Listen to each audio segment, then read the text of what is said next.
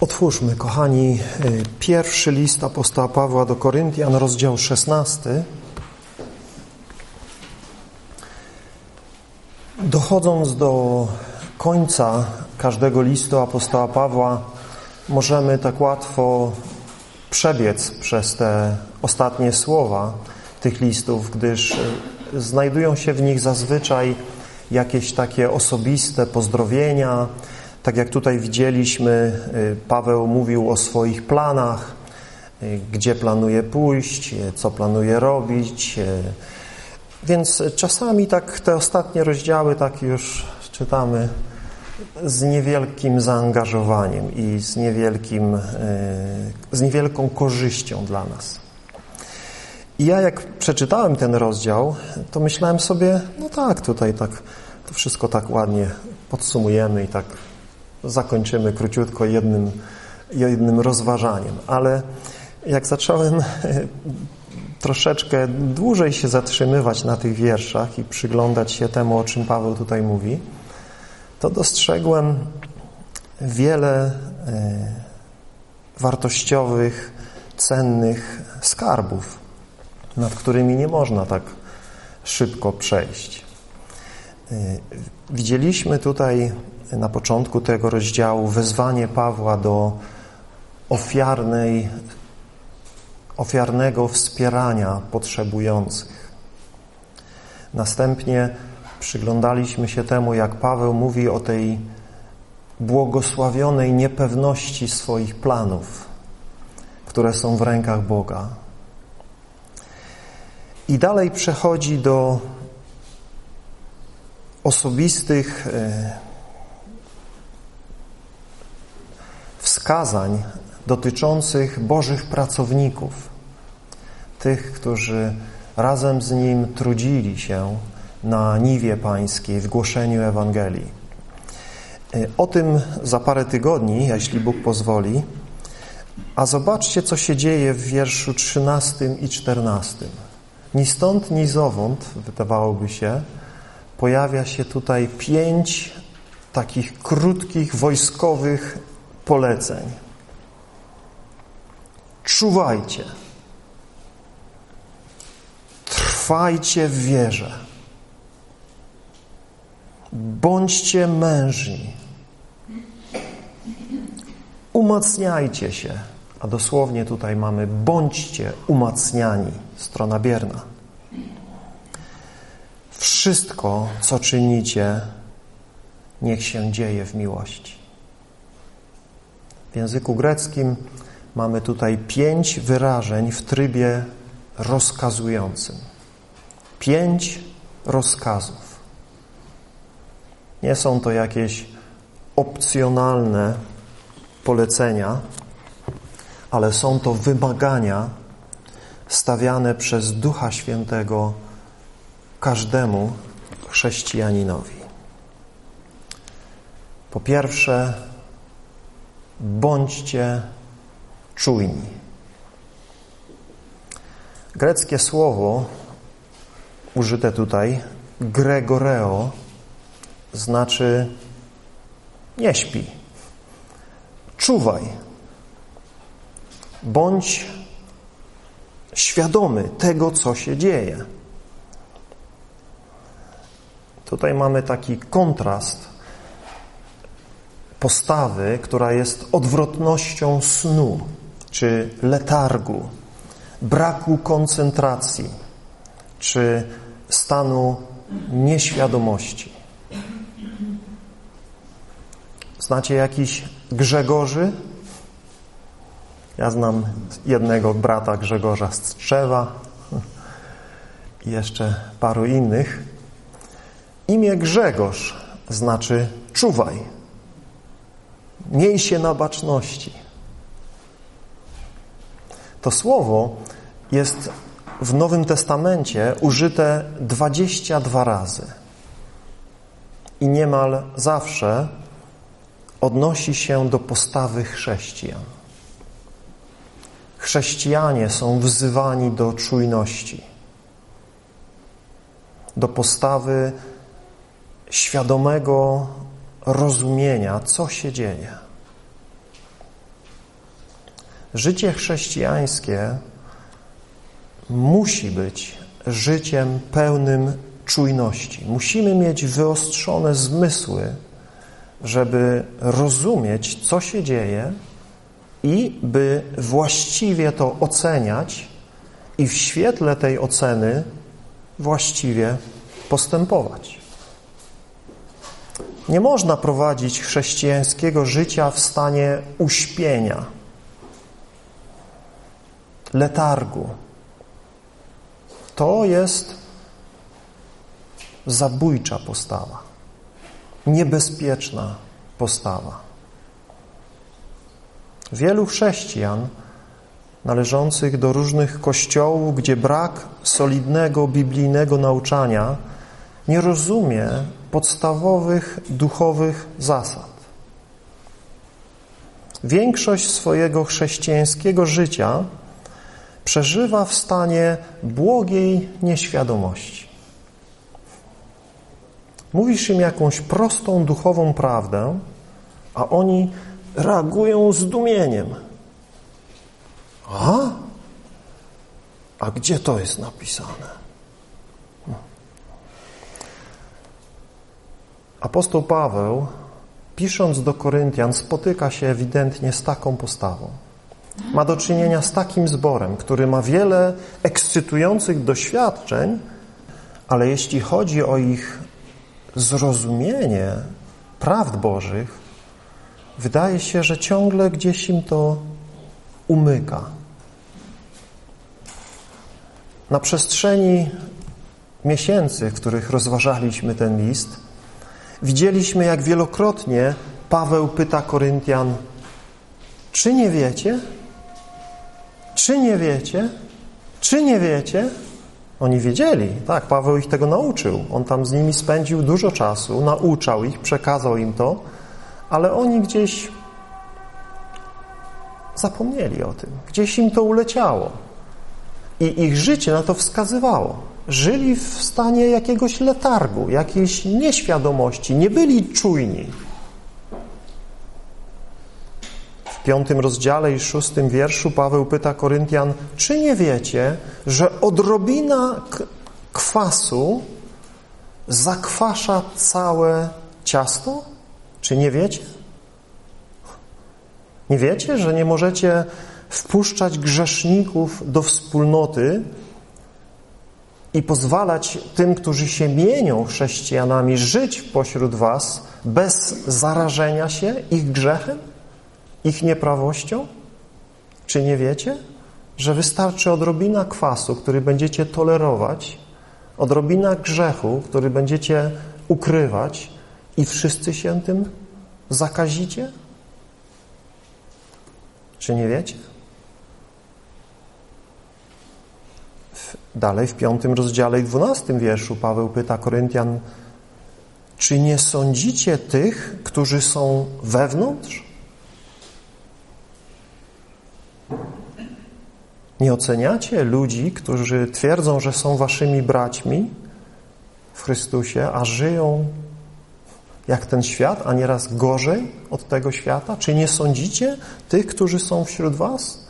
Czy nie jesteście świadomi, co się między wami dzieje? Pamiętacie, co tam się działo w Koryncie, do czego Paweł się odnosi? Tam były takie grzechy, jakie nawet poganie się wstydzili. A oni je tolerowali między sobą i uważali, że wszystko jest. Okay. Paweł mówi, jeśli ktoś mieni się bratem, a jest człowiekiem nierządnym, czyli niemoralnym, prowadzi się niemoralnie, jest chciwcem, bałwochwalcą, oszczercą, pijakiem lub zdziercą, Paweł mówi, mówię wam, żebyście z takimi nawet wspólnie nie jedli. W rozdziale szóstym, wierszu dziewiątym Paweł pyta, czy nie wiecie, czy nie wiecie, że niesprawiedliwi Królestwa Bożego nie odziedziczą? Czy myślicie, że niesprawiedliwi odziedziczą Królestwo Boże? Tak by to można było sformułować. Hm. Czy sądzicie, że niesprawiedliwi też wejdą do Królestwa Bożego? Paweł mówi, nie łudźcie się. Jeżeli tak myślicie, to jesteście nieświadomi, nie czuwacie, nie, łudzicie się, wmawiacie sobie coś, co nie jest prawdą. Ani ludzie nierządni, czyli znowu niemoralni, prowadzący się niemoralnie, ani bałwuchwalcy, ani cudzołożnicy, ani zniewieściali, ani homoseksualiści, ani złodzieje, ani chciwcy, ani pijacy, ani oszczercy, ani zdziercy Królestwa Bożego nie odziedziczą. I to wiecie, że nie jest zamknięta lista. To jest tylko jakaś część tych, którzy Królestwa Bożego nie odziedziczą. Czy nie wiecie? Paweł ich pyta. Czy myślicie, że możecie trwać w grzechach i mienić się chrześcijanami należącymi do Bożego Królestwa? Dalej pyta ich w szóstym rozdziale, czy nie wiecie, że wasze ciała są członkami Chrystusa? Czy, czy zdajecie sobie sprawę, że wszystko, co robicie w swoich ciałach, jest czymś, co Chrystus doświadcza, gdyż jesteście Jego członkami. A więc jakże musimy dbać o to, co robimy w naszych ciałach, żeby to było miłe Chrystusowi, a nie było czymś, co jest przeciwne Jego naturze. Czy nie wiecie o tym, że to, co robicie w ciele, dotyka Chrystusa? Czy wiecie, czy nie wiecie? Paweł dalej pyta Koryntian w szóstym rozdziale, albo czy nie wiecie, że wasze ciało jest przybytkiem Ducha Świętego, który jest w was i którego macie od Boga i że już nie należycie do siebie samych. Ilu chrześcijan nie zdaje sobie z tego sprawy? Że są świątynią Bożego Ducha i nie mogą już postępować według własnego widzimisię i snuć własnych planów i robić to, na co my mamy ochotę i co nam się chce, ale zawsze żyć jako ci, którzy należą do Chrystusa, którzy są Jego własnością i we wszystkim starają się pełnić Jego wolę, Jemu się podobać. Najwyraźniej problem z Koryntianami polegał na tym, że nie znali oni podstawowych duchowych prawd. Żyli w duchowym letargu. Byli duchowymi ignorantami. O tak, mieli różne doświadczenia. Ale zobaczcie, co Paweł mówi o ich doświadczeniach. Mówi, bracia, nie chcę, żebyście byli w nieświadomości, jeśli chodzi o duchowe sprawy. Oni mieli różne doświadczenia, ale jak Paweł y, zaczął je, że tak powiem, brać pod lupę i przyglądać się temu, co tam się działo, jak wyglądały ich zgromadzenia, jaki tam był chaos, jakie tam było zamieszanie, jak tam nie było zbudowania, mówi, bracia, jesteście totalnymi ignorantami, jeśli chodzi o duchowe sprawy. I nie chcę, żebyście takimi pozostawali.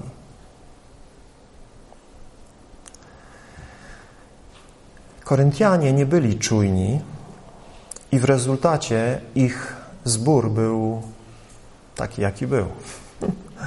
Pełen problemów. Widzieliśmy, jak rozdział po rozdziale Paweł dotyka jednej kwestii po drugiej, korygując, napominając, w miłości wskazując im właściwą drogę.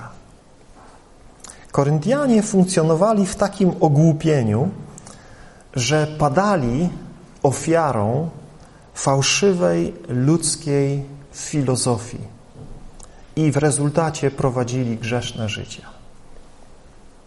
Dlatego w pierwszym liście do Koryntian, w 15 rozdziale i 34 wierszu Paweł mówi otrzeźwiejcie i przestańcie grzeszyć. Mówi obudźcie się, otrzeźwiejcie. Jesteście jakbyście w jakimś śnie byli, w jakimś letargu, jakbyście nie byli świadomi, co się dzieje. Mówi obudźcie się i przestańcie grzeszyć. Niektórym bowiem z was brak zrozumienia Boga. Paweł wzywa ich, żeby się obudzili. Wierzący muszą być czujni, trzeźwi.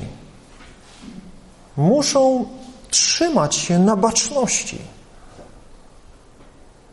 Nigdy nie będziemy prowadzili dobrego chrześcijańskiego życia, trwając w jakimś letargu, w jakiejś nieświadomości, niewiedzy. Nigdy nie będziemy działali zgodnie z Bożymi zasadami, jeśli ich nie znamy. Jeżeli jesteś chrześcijaninem, który jest takim chrześcijaninem, który ciągle mówi ja nie wiem, ja nie wiem, ja nie wiem, to będziesz miał kłopoty, bo powinieneś wiedzieć. I ciebie Bóg pyta, czy nie wiesz, czy nie wiesz, czy nie wiesz? Przecież to jest napisane w moim słowie. Przecież ci to już nie raz mówiłem. Czy nie wiesz, że jesteś świątynią ducha? Czy nie wiesz, że twoje ciało należy do Chrystusa? Czy nie wiesz, że Bóg do swojego królestwa nie zaprasza cudzołożników, kłamców, oszustów, tych, którzy noszą nieprzebaczenie w sercach, nienawiść? Czy nie wiesz, że trzeba się z tym uporać, że trzeba przyjść pod krzyż i szukać zbawienia, ratunku z tych rzeczy? Czy nie wiecie? No tak, my wiemy. Oni też wiedzieli na swój sposób. To nie było tak, że oni, wiecie, byli biedni Koryntianie, nikt im nie powiedział i oni, biedni, nie wiedzieli. I Paweł mówi, czy nie wiecie, biedni Koryntianie? Nikt wam nie powiedział. Nie, to nie on nie w takim tonie do nich mówi. No widzimy, jaki jest ton. Ton jest taki, powinniście wiedzieć. Dobrze o tym wam, dobrze tłumaczyłem wam to, y, Apolos wam to wytłumaczył, Kefas, Piotr wam to wytłumaczył. Tłumaczyliśmy wam, wyjaśnialiśmy wam, a wy jak żyjecie? Jakbyście tego nie wiedzieli, jakbyście spali.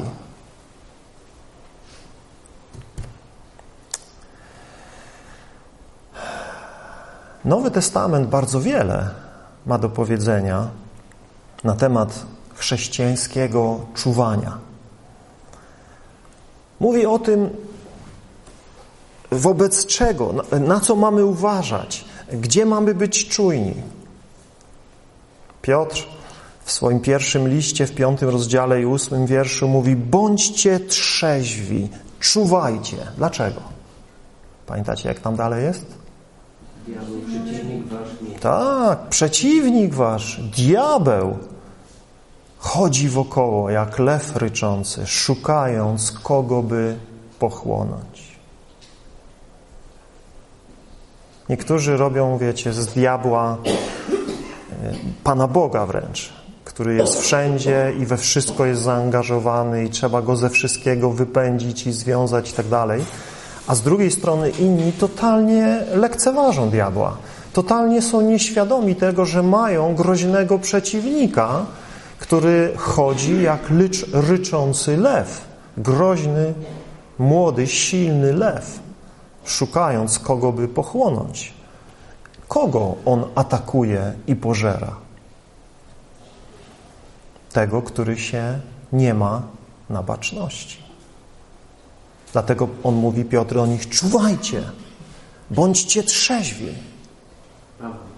Piotr tutaj, w tym liście, co wczytałem z Piotra 5,8, pierwszy Piotra 5,8. Paweł też to mówi, tak, dobrze bracie mówisz. Ale Piotr wcale nie gorzej. Musimy, musimy być świadomi i czujni na chytre, przebiegłe subtelności szatana. On dzień i noc planuje ataki, zastawia sidła, pułapki. Chociaż Biblia mówi, że tak naprawdę on działa w trzech zakresach. Kusi nas rządzą ciała, rządzą naszych oczu i pychą życia. To są te trzy sfery główne Jego działania. Rządza ciała, rządza oczu, pycha życia.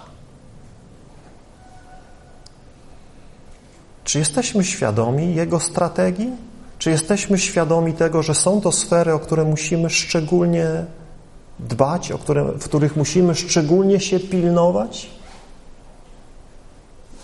Czy zdajemy sobie sprawę ze słabości naszego ciała i tego, jak łatwo zostaje poruszone do złego, podniecone, by czynić coś wbrew temu, co wiemy, że powinniśmy czynić? Czy jesteśmy świadomi tego, że to, na co patrzymy, to, czemu się przyglądamy, wzbudza w nas różne pragnienia, żądze? Czy pilnujemy tej pychy, która podnosi się przeciwko poznaniu Boga, która jest drogą do ruiny i upadku w życiu każdego, kto się jej poddaje? Musimy znać diabelskie strategie, jego taktyki, by nie popaść w jego pułapki. Musimy być czujni, bo on już przygotowuje pokuszenia dla nas. On już szykuje na każdego z nas swoje zasadzki. Szatan, czytamy, chodzi jak lew ryczący, szukając kogo by pochłonąć. Wyobrażacie sobie, że jedziecie do Kenii, na sawannę, gdzie kręcą się lwy i tam wychodzicie z samochodu i ucinacie sobie drzemkę w trawie. Żaden zdrowomyślący człowiek nie będzie tego robił. To niebezpieczne. Będziemy się rozglądać, jak wyjdziemy siusiu zrobić, to będziemy się rozglądać, czy tam przypadkiem jakiś drapieżnik się nie czai. A w naszym duchowym życiu to co myślimy, że żaden drapieżnik się nie czai? Że nic nam nie grozi? Nie. Biblia mówi, czuwajcie, miejcie się na baczności, bo jest przeciwnik, który chodzi nieustannie i tylko czeka na was zły ruch. Tylko czeka, żebyście troszkę przysnęli, żebyście troszkę się rozluźnili. Mówi, czuwajcie, miejcie się na baczności. Jest przeciwnik, który walczy o was, który chce was zniszczyć, który nienawidzi was, który przychodzi tylko po to, żeby kraść, zabijać. Miejcie się na baczności. Nie kpijmy sobie z szatana. Nie wywyższajmy go, ale miejmy się na baczności. Po drugie, Biblia mówi, że musimy czuwać, gdyż nasze ciało jest słabe i mdłe. I jest łatwo uległe na różne pokusy. Pan Jezus prosi swoich uczniów, by się z Nim modlili. Kiedy przychodzi na Niego ta godzina próby w ogrodzie Getsemane, a oni co? Zasypiają. Jezus mówi, czuwajcie, czuwajcie, módlcie się. Oni zmęczeni, zasmuceni, śpią. Jezus przychodzi i mówi, czuwajcie i módlcie się abyście nie wpadli w pokuszenie. Czuwajcie i módlcie się. Czuwanie jest ściśle związane z modlitwą. Jeśli modlimy się, to jesteśmy czujni. Modlimy się i pytamy, Panie, o co tu chodzi? Boże, strzeż mnie w tej sytuacji. Wchodzimy w jakąś sytuację, widzimy jakichś dziwnych ludzi, jakieś dziwne zagrywki. Módl się, módl się, módl się, bądź czujny, nie daj się w coś wciągnąć. Nie daj się podejść. Módl się o mądrość, módl się o Boże prowadzenie, módl się o Bożą ochronę. Wołaj do Boga. Czuwaj. Miej się na baczności, byś nie wpadł w pokuszenie. Nie możemy beztrosko spacerować po tym grzesznym świecie, wystawiając się na wszystko, licząc, że to nie będzie miało na nas żadnego wpływu. Tak nie jest. Tak nie działa. Beztroska i lekkomyślność wystawia nas na pokusy. Czuwajcie, miejcie oczy szeroko otwarte i módlcie się. W objawieniu świętego Jana w trzecim rozdziale Jezus zwraca się do jednego ze zborów, do zboru w Sardes i mówi, masz imię mówiące, że żyjesz, ale jesteś martwy.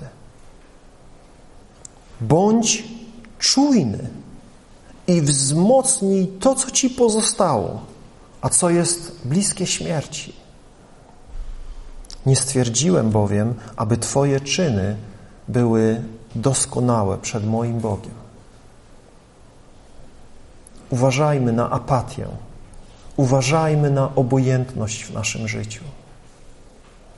Kościół lub chrześcijanin może stopniowo stać się przemądrzały, zadowolony z siebie, apatyczny i obojętny wobec Pana. Iluż to chrześcijan doszło do miejsca, w którym uważają, że mo mogą robić wszystko, na co mają ochotę, bez konsekwencji, bo Bóg przecież wszystkich kocha, bo Jego łaska jest świeża i nowa, bo Jego miłosierdzie trwa na wieki. I można cytować różne fajne miejsca z Słowa Bożego i totalnie minąć się z Chrystusem Panem, który mówi, masz imię, że żyjesz, ale jesteś martwy. Jesteś totalnie nieświadomy niebezpieczeństwa, w jakim się znajdujesz. Obojętny, letni chrześcijanin, który nie zajmuje się swoimi grzechami, który nie zajmuje się swoimi słabościami, który nie zajmuje się swoim nieposłuszeństwem, będzie karany przez Boga. Ponieważ Bóg w swej miłości nie zostawia swoich dzieci w takim miejscu. Jezus mówi do swojego kościoła w Sardes będę Cię surowo karcił, będę Cię smagał w nadziei, że się ocucisz, że się obudzisz. Kiedy docierasz do miejsca, w którym czujesz się bezpiecznie ze swoim grzechem i nie próbujesz mu stawiać czoła i walczyć z nim, jesteś w niebezpiecznym położeniu. Musimy bardzo uważać na nasz duchowy stan, czuwać, pilnować się. Kolejna rzecz, na którą Słowo Boże mówi nam, że musimy uważać, to fałszywi nauczyciele. Takich wtedy nie brakowało, a dzisiaj, w dobie internetu, wszyscy mamy do nich dostęp. Możemy się karmić u ich stołów każdego dnia dosyta. Fałszywi nauczyciele. Słudzy diabła którzy przybierają postać sług sprawiedliwości. O nich Paweł mówił wcześniej do Koryntian, ostrzegał ich przed ludźmi, którzy wyglądają jak aniołowie światłości, ale nie wywyższają Chrystusa Pana. Nie służą Chrystusowi Panu, ale własnemu brzuchowi. Szukają ludzi, których mogą wykorzystać dla swoich celów. Szukają ludzi, którzy będą ich służbę powiększali, promowali, będą za nimi stali, ich podziwiali i na nich łożyli. Pisząc do Tymoteusza w drugim liście i w trzecim rozdziale, w trzynastym wierszu, Paweł mówi: Ludzie zaś źli i oszuści będą coraz bardziej brnąć w zło, błądząc i innych wprowadzając w błąd. Więc Paweł nie twierdzi, że będzie coraz lepiej, coraz mniej będzie oszustów, coraz mniej pomazańców bożych, którzy są z piekła rodem, ale mówi, będzie ich coraz więcej, będą coraz bardziej brnąć w zło i będą sami błądzić i będą innych wprowadzać w swoje błędy. Dlatego musimy być czujni. Paweł mówi dalej w czwartym rozdziale, trzecim, czwartym wierszu, przyjdzie czas, mówi, że zdrowej nauki nie ścierpią, a że ich ucho swędzi, otoczą się nauczycielami według własnych pożądań i z jednej strony odwrócą się od słuchania prawdy, z drugiej zaś zwrócą się ku baśniom, ku historyjkom, ku pseudoświadectwom. Nie będą chcieli słuchać zdrowej nauki, nie będą chcieli słuchać twardej mowy, ale jakieś leciutkie historyjki, jakieś wizje, jakieś przeżycia, jakieś rzeczy lżejsze. Nie męczcie mnie tymi twardymi naukami, doktrynami, prawdą Bożą. To nie, nie, mnie ucho swędzi na coś ciekawszego, na coś bardziej ekscytującego. Paweł mówi do Tymoteusza, ale ty bądź trzeźwy we wszystkim. Głoś Słowo Boże, mówi. Głoś Słowo Boże w dogodny czy niedogodny czas. Czy będą słuchać, czy nie będą słuchać. Głoś im Słowo Boże. Tego się trzymaj. Tego się pilnuj. Mówi, bo w Słowie Bożym, mówi, jest wszystko, czego potrzebujesz do życia i pobożności. W Słowie Bożym jest wszystko, by być doskonałym, do wszelkiego dobrego dzieła przygotowanym. Żeby rozróżniać dobro i zło. Żeby nie dać się zwieść, nie dać się oszukać. Uważajmy na fałszywych nauczycieli i ich fałszywe doktryny, które nie wypływają ze zdrowej nauki Słowa Bożego, ale Słowo Boże jest tylko jakimś elementem w, w ich nauczaniach, a tak naprawdę argumentacja, którą stosują do wykładu tego Słowa, nie pochodzi z samego Słowa. Dzisiaj jest wielu takich nauczycieli. Biorą Słowo Boże i zaczynają interpretować je w świetle tego, czego nie ma w Słowie Bożym. Twierdzą, że tak wtedy myślano, twierdzą, że taka była kultura, że takie były zwyczaje, że takie były wtedy, takie było myślenie i tak dalej, ale czemu w tym słowie tego nie ma? Czemu tam Paweł napisał, mówię wam tak, bo taka jest kultura, bo tak robią Żydzi, bo tak robią Grecy, bo tak robią Rzymianie, wy też tak musicie robić jak oni. Czemu tam nie znajdujemy takiej argumentacji? Ale dzisiaj ludzie sprytnie biorą fragmenty Słowa Bożego i odwołują się do wszystkiego, tylko nie do tego, co jest napisane w tekście. A w tekście jest wyraźnie napisane, do czego się odwołuje to, to czy tamto nauczanie. Dzisiaj jest wielu ludzi, którzy biorą Słowo Boże i potrafią je tak wyłożyć, że ono znaczy zupełnie przeciwnie to, co znaczy. To jest nagminne. Jestem zdumiony oratorstwem i krętactwem różnych kaznodziejów którzy biorą fragment, który mówi, trzeba czynić tak i tak. Zabraniam kobiecie nauczać. I oni wykładają to i wychodzi na to, że kobiety mają nauczać. Tak sprytnie to przekręcają ku własnej zgubie i zgubie ich słuchaczy. Mamy tego pełno. Uważajmy na fałszywych nauczycieli, ich fałszywe doktryny. Uważajmy na szatana, czuwajmy w modlitwie, aby nie ulec pokusom, uważajmy na duchową apatię. I w końcu Słowo Boże mówi nam, że mamy czuwać, gdyż nie wiemy, kiedy nasz Pan powróci. Mamy ciągle być czujni na spotkanie z naszym Panem. I o tym żeśmy ostatnio dosyć dużo mówili, więc nie będę tego rozwijał, Jezus obiecał, że powróci i oczekuje, że Jego naśladowcy będą stale czuwać. Dlatego Ojciec w swej mądrości nie objawił tego dnia ani godziny nikomu. Mamy czuwać, mamy czekać na przyjście Pana. Co to znaczy? To znaczy, że mamy cały dzień chodzić z głowami w górze i patrzeć, to już, on idzie, idzie tu, tam. Nie widzę go dzisiaj. O to chodzi? Nie, wiemy, że nie o to chodzi. Nie tak mamy czuwać. Czytaliśmy te przypowieści, w których Pan Jezus mówi, jak mamy czuwać. Mamy zajmować się tym, co Bóg nam powierzył. Mamy pracować, być pilni, być oddani naszemu Panu i żeby nas zastał przy pracy, żeby nas zastał w pełnieniu swojej woli. W ten sposób mamy czuwać. Nie wyznaczać daty, nie kombinować, nie domyślać się, nie patrzeć na to, a tu się dzieje, tam to się dzieje, o, poskładamy to razem, pewnie to już ten czas, to już ten czas, o i teraz napiszemy artykuł, to już ten czas. Mamy robić to, co nam powierzył. Mamy być, pilnować swoich serc, pilnować swojego życia, tego jak żyjemy, jak mówimy, jak traktujemy innych. I w ten sposób jesteśmy gotowi na Jego przyjście. Kiedy przyjdzie, czy w nocy, czy w dzień, w której godzinie, zastanie nas czuwających, czyniących to, co nam powierzył. Mamy czuwać, nie spać. Nie być jak ten gospodarz, który mówi, a Pan zwleka z powrotem, no to dawaj, teraz się zabawimy, zabawimy, a potem posprzątamy i jak Pan przyjdzie, to będę gotowy. O, tak sobie myśl, tak sobie myśl, że masz czas, że możesz jeszcze to, możesz tamto, zdążysz, zdążysz się upamiętać, zdążysz to naprawić, zdążysz jeszcze się przygotować. Jak te głupie panny będziesz.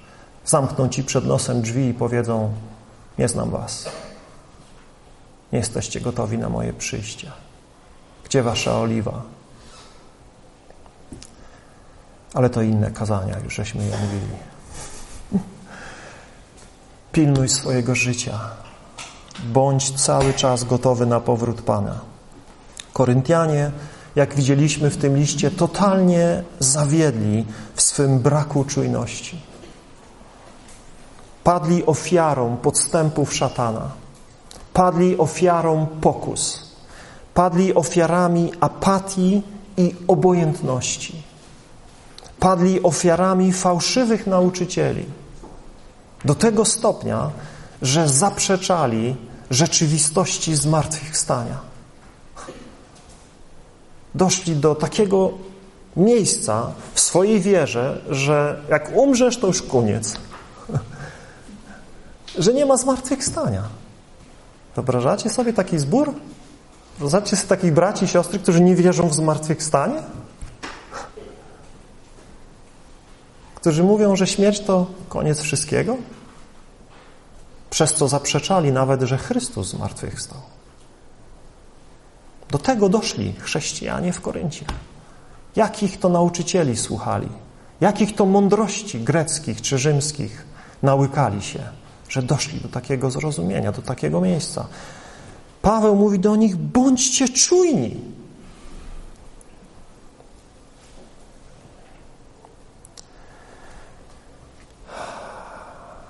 W jaki sposób mamy czuwać? No tutaj już kilka różnych rzeczy e, było powiedzianych, ale to wszystko sprowadza się do pilnego, modlitewnego trwania w Bożym Słowie. Czytania i czynienia tego, co tu jest napisane. To jest nasze okno na świat. Przez to słowo mamy patrzeć na otaczający nas świat i wtedy będziemy trzeźwi.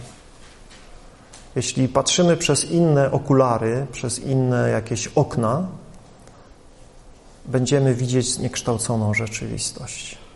I szatan nas łatwo podejdzie i łatwo ulegniemy słabości naszego ciała i uwikłamy się w przeróżne kłopoty. Biblia jest jak mikroskop pod którym możemy ujrzeć każdy ważny szczegół Bożego planu, a także zamysły szatana. Biblia ujawnia wszystko, co musimy wiedzieć. Słowo Boże jest źródłem zdrowej doktryny.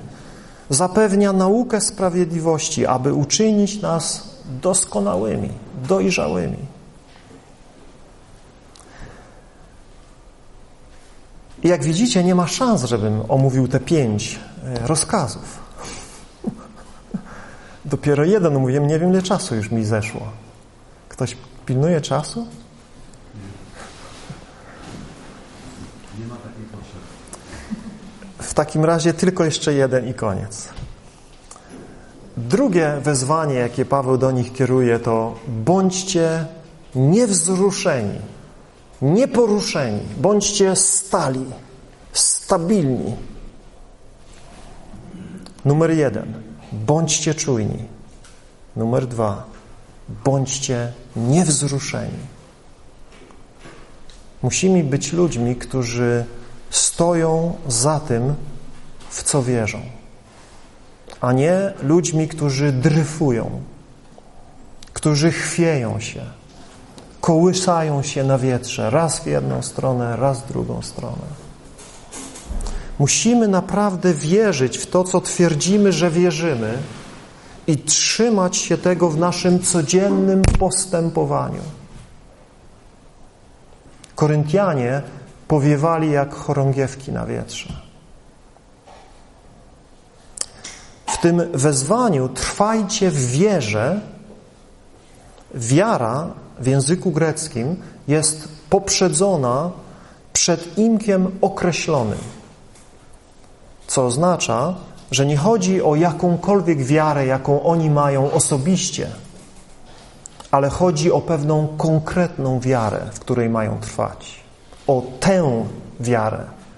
Mówi, trwajcie w konkretnej wierze. Nie ma tu mowy o trwaniu w osobistej, personalnej wierze. O takim jest mowa w innych miejscach, ale tutaj Paweł do nich mówi, trwajcie w treści Bożego objawienia Trwajcie w wierze, która raz na zawsze została przekazana świętym. Tu jest o tym mowa. Mamy trwać w tym, w co jest treścią tego, w co wierzymy, innymi słowy. W języku naszym polskim nie ma opcji, żeby to przetłumaczyć dobrze. W języku greckim, jeśli znajdujecie słowo pistis, wiara, bez przedimka, wtedy jest mowa o tej osobistej wierze. I jest wiele takich miejsc. Ale jeśli jest tam przedimek określony przed tą wiarą, to zawsze jest mowa o tej wierze, konkretnej wierze, czyli temu, w co mamy wierzyć, temu, w kogo mamy wierzyć, temu, co jest treścią naszej wiary.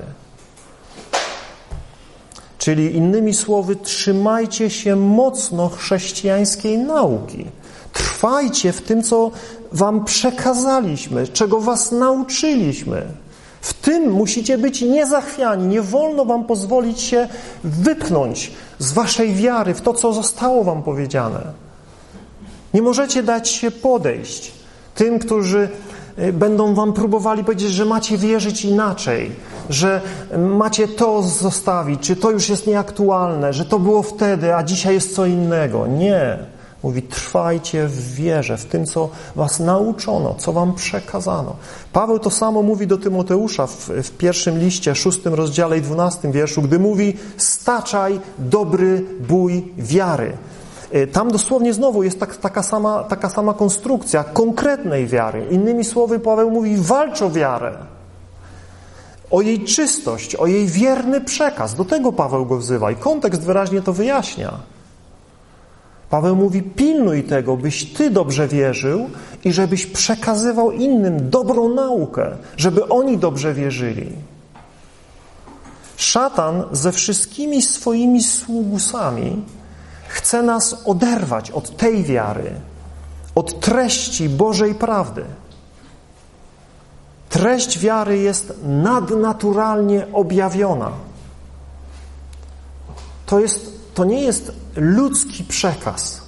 To, co tu mamy spisane, nie jest wymysłem człowieka, nie jest źródłem ludzkiej religijnej mądrości, ale jest nadnaturalnym objawieniem przekazanym przez samego Boga i to objawienie nie ma sobie równych.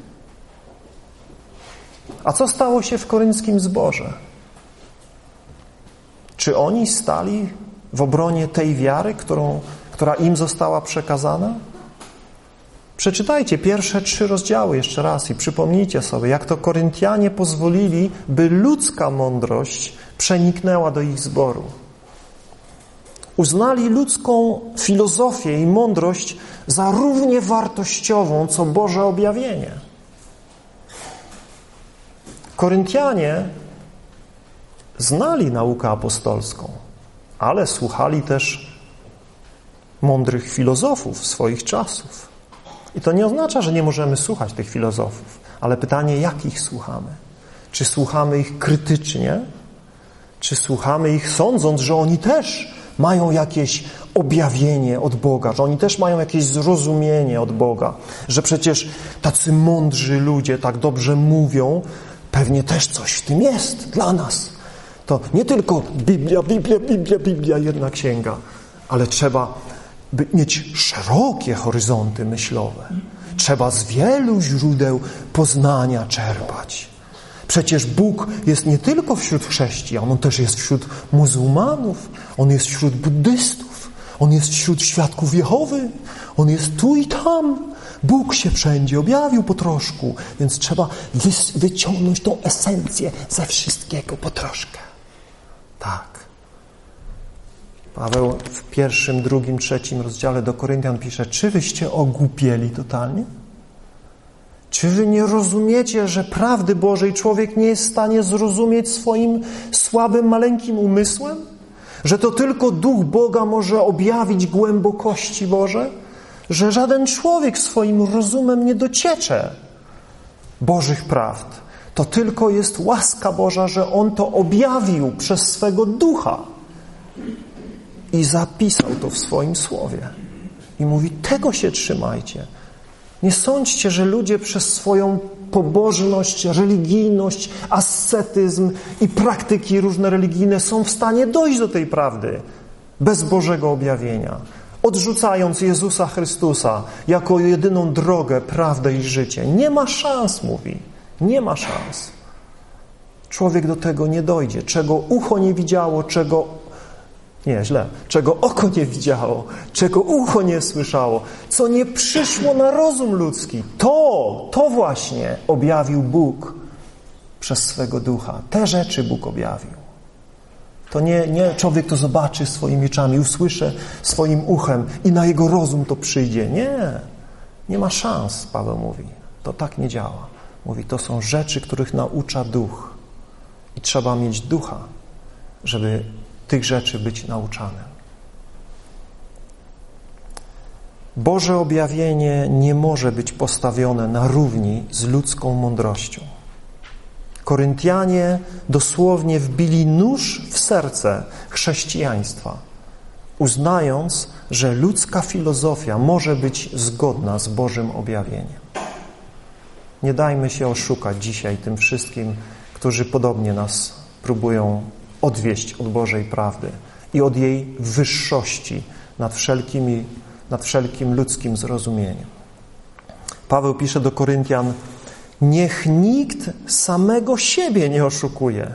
Jeśli ktoś z was uważa, że jest mądry w obecnym wieku, niech się stanie głupim, aby stać się mądrym.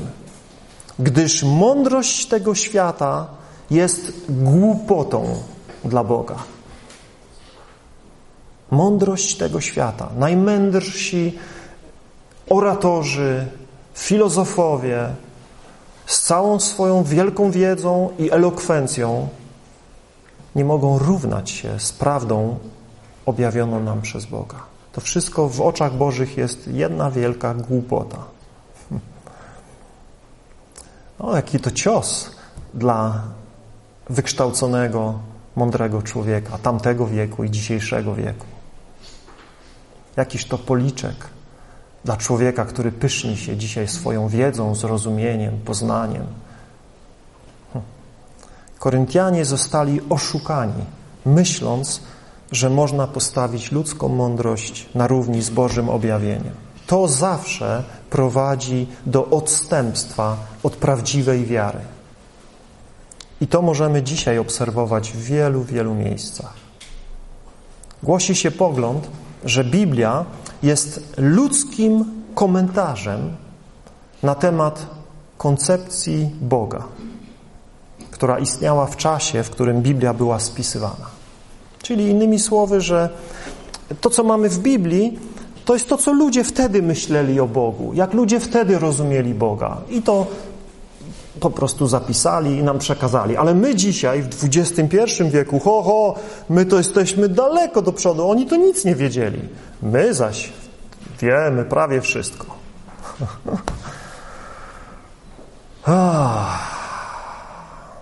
Smutnym rezultatem takiego myślenia jest wprowadzanie i dzisiaj do Kościoła koncepcji popularnych w otaczającym nas świecie.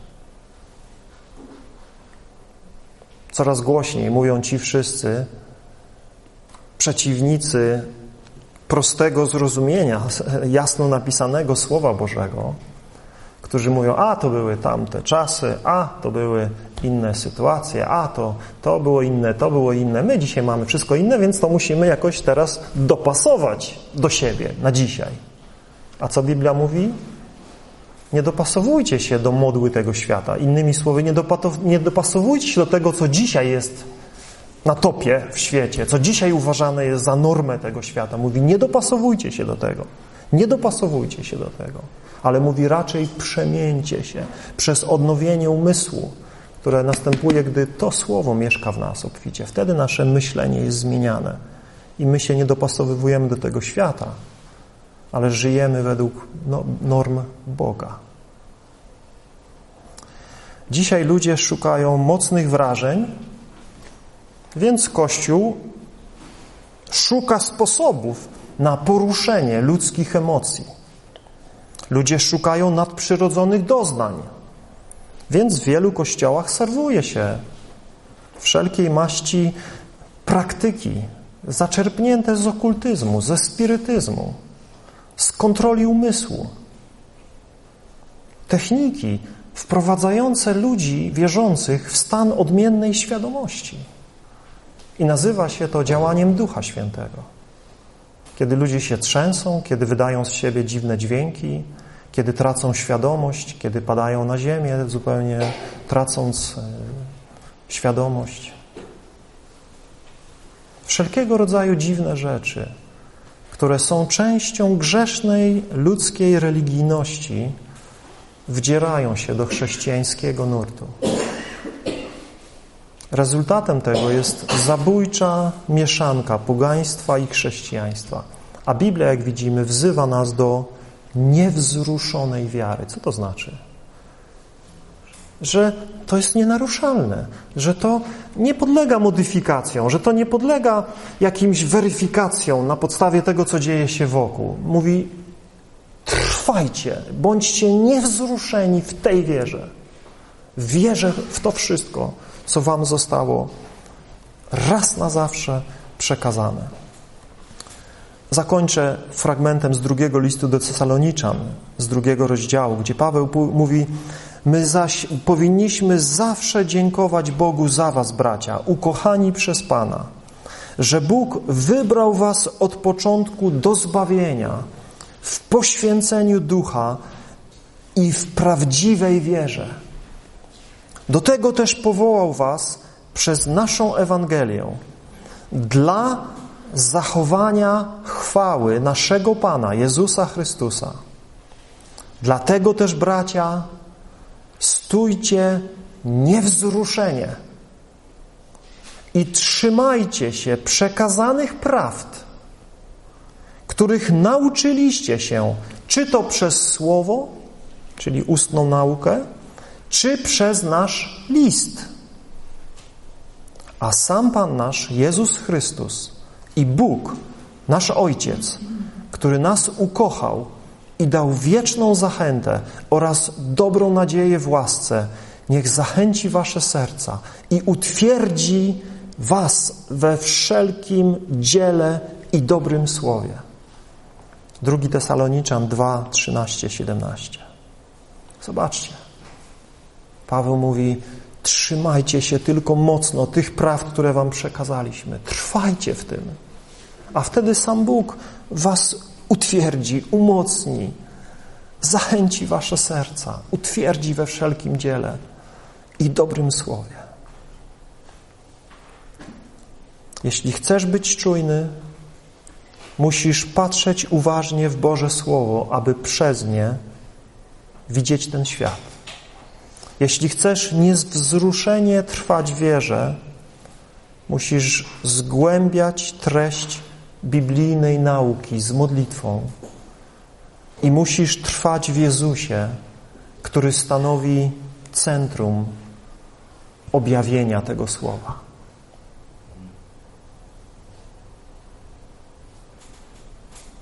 To pierwsze z tych pięciu, dwóch przykazań apostolskich zamykający ten list. I wierzę, że są one ważne do zatrzymania się nad nimi i rozważenia, dlatego że tak naprawdę te, te nakazy są esencją tego wszystkiego, co Paweł mówił w tym liście. Gdyby Koryntianie byli czujni, nie popadliby w takie błędy, w takie grzechy. Gdyby trwali w tym, co zostało im przekazane, nie byłoby mowy o tych wszystkich rzeczach, które, o których czytaliśmy. Gdyby, jak dalej Paweł do nich mówi, gdyby byli mężni, a nie dziećmi, miotanymi lada wiatrem nauki, kierujący się emocjami, kierujący się tym, co im się podoba. Nie byłoby potrzeby tylu tych rozdziałów, ale chwała Bogu, że one są. chwała Bogu za błędy Koryntian, bo dzięki temu my dzisiaj mamy wielki punkt odniesienia do problemów, które dzisiaj dostrzegamy. Bóg w swojej suwerenności i mądrości właśnie wybrał ten, y, to miejsce i ten zbór i takich ludzi, żeby przez, na ich przykładzie zostawić świadectwo Kościołowi tego, do czego prowadzi brak czuwania, do czego prowadzi luźne podejście do Bożego Słowa. I my dzisiaj możemy z tego czerpać i my możemy się z tego uczyć i my możemy uniknąć tych błędów. A jeśli je popełniamy, możemy się opamiętać i możemy zawrócić i służyć naszemu Panu i kochać Go i radować się Nim i doświadczać Jego życia i błogosławieństwa w tym złym świecie, w którym żyjemy, w pośród, w pośród słabości naszego ciała, będąc otoczony duchowym światem przeciwnika.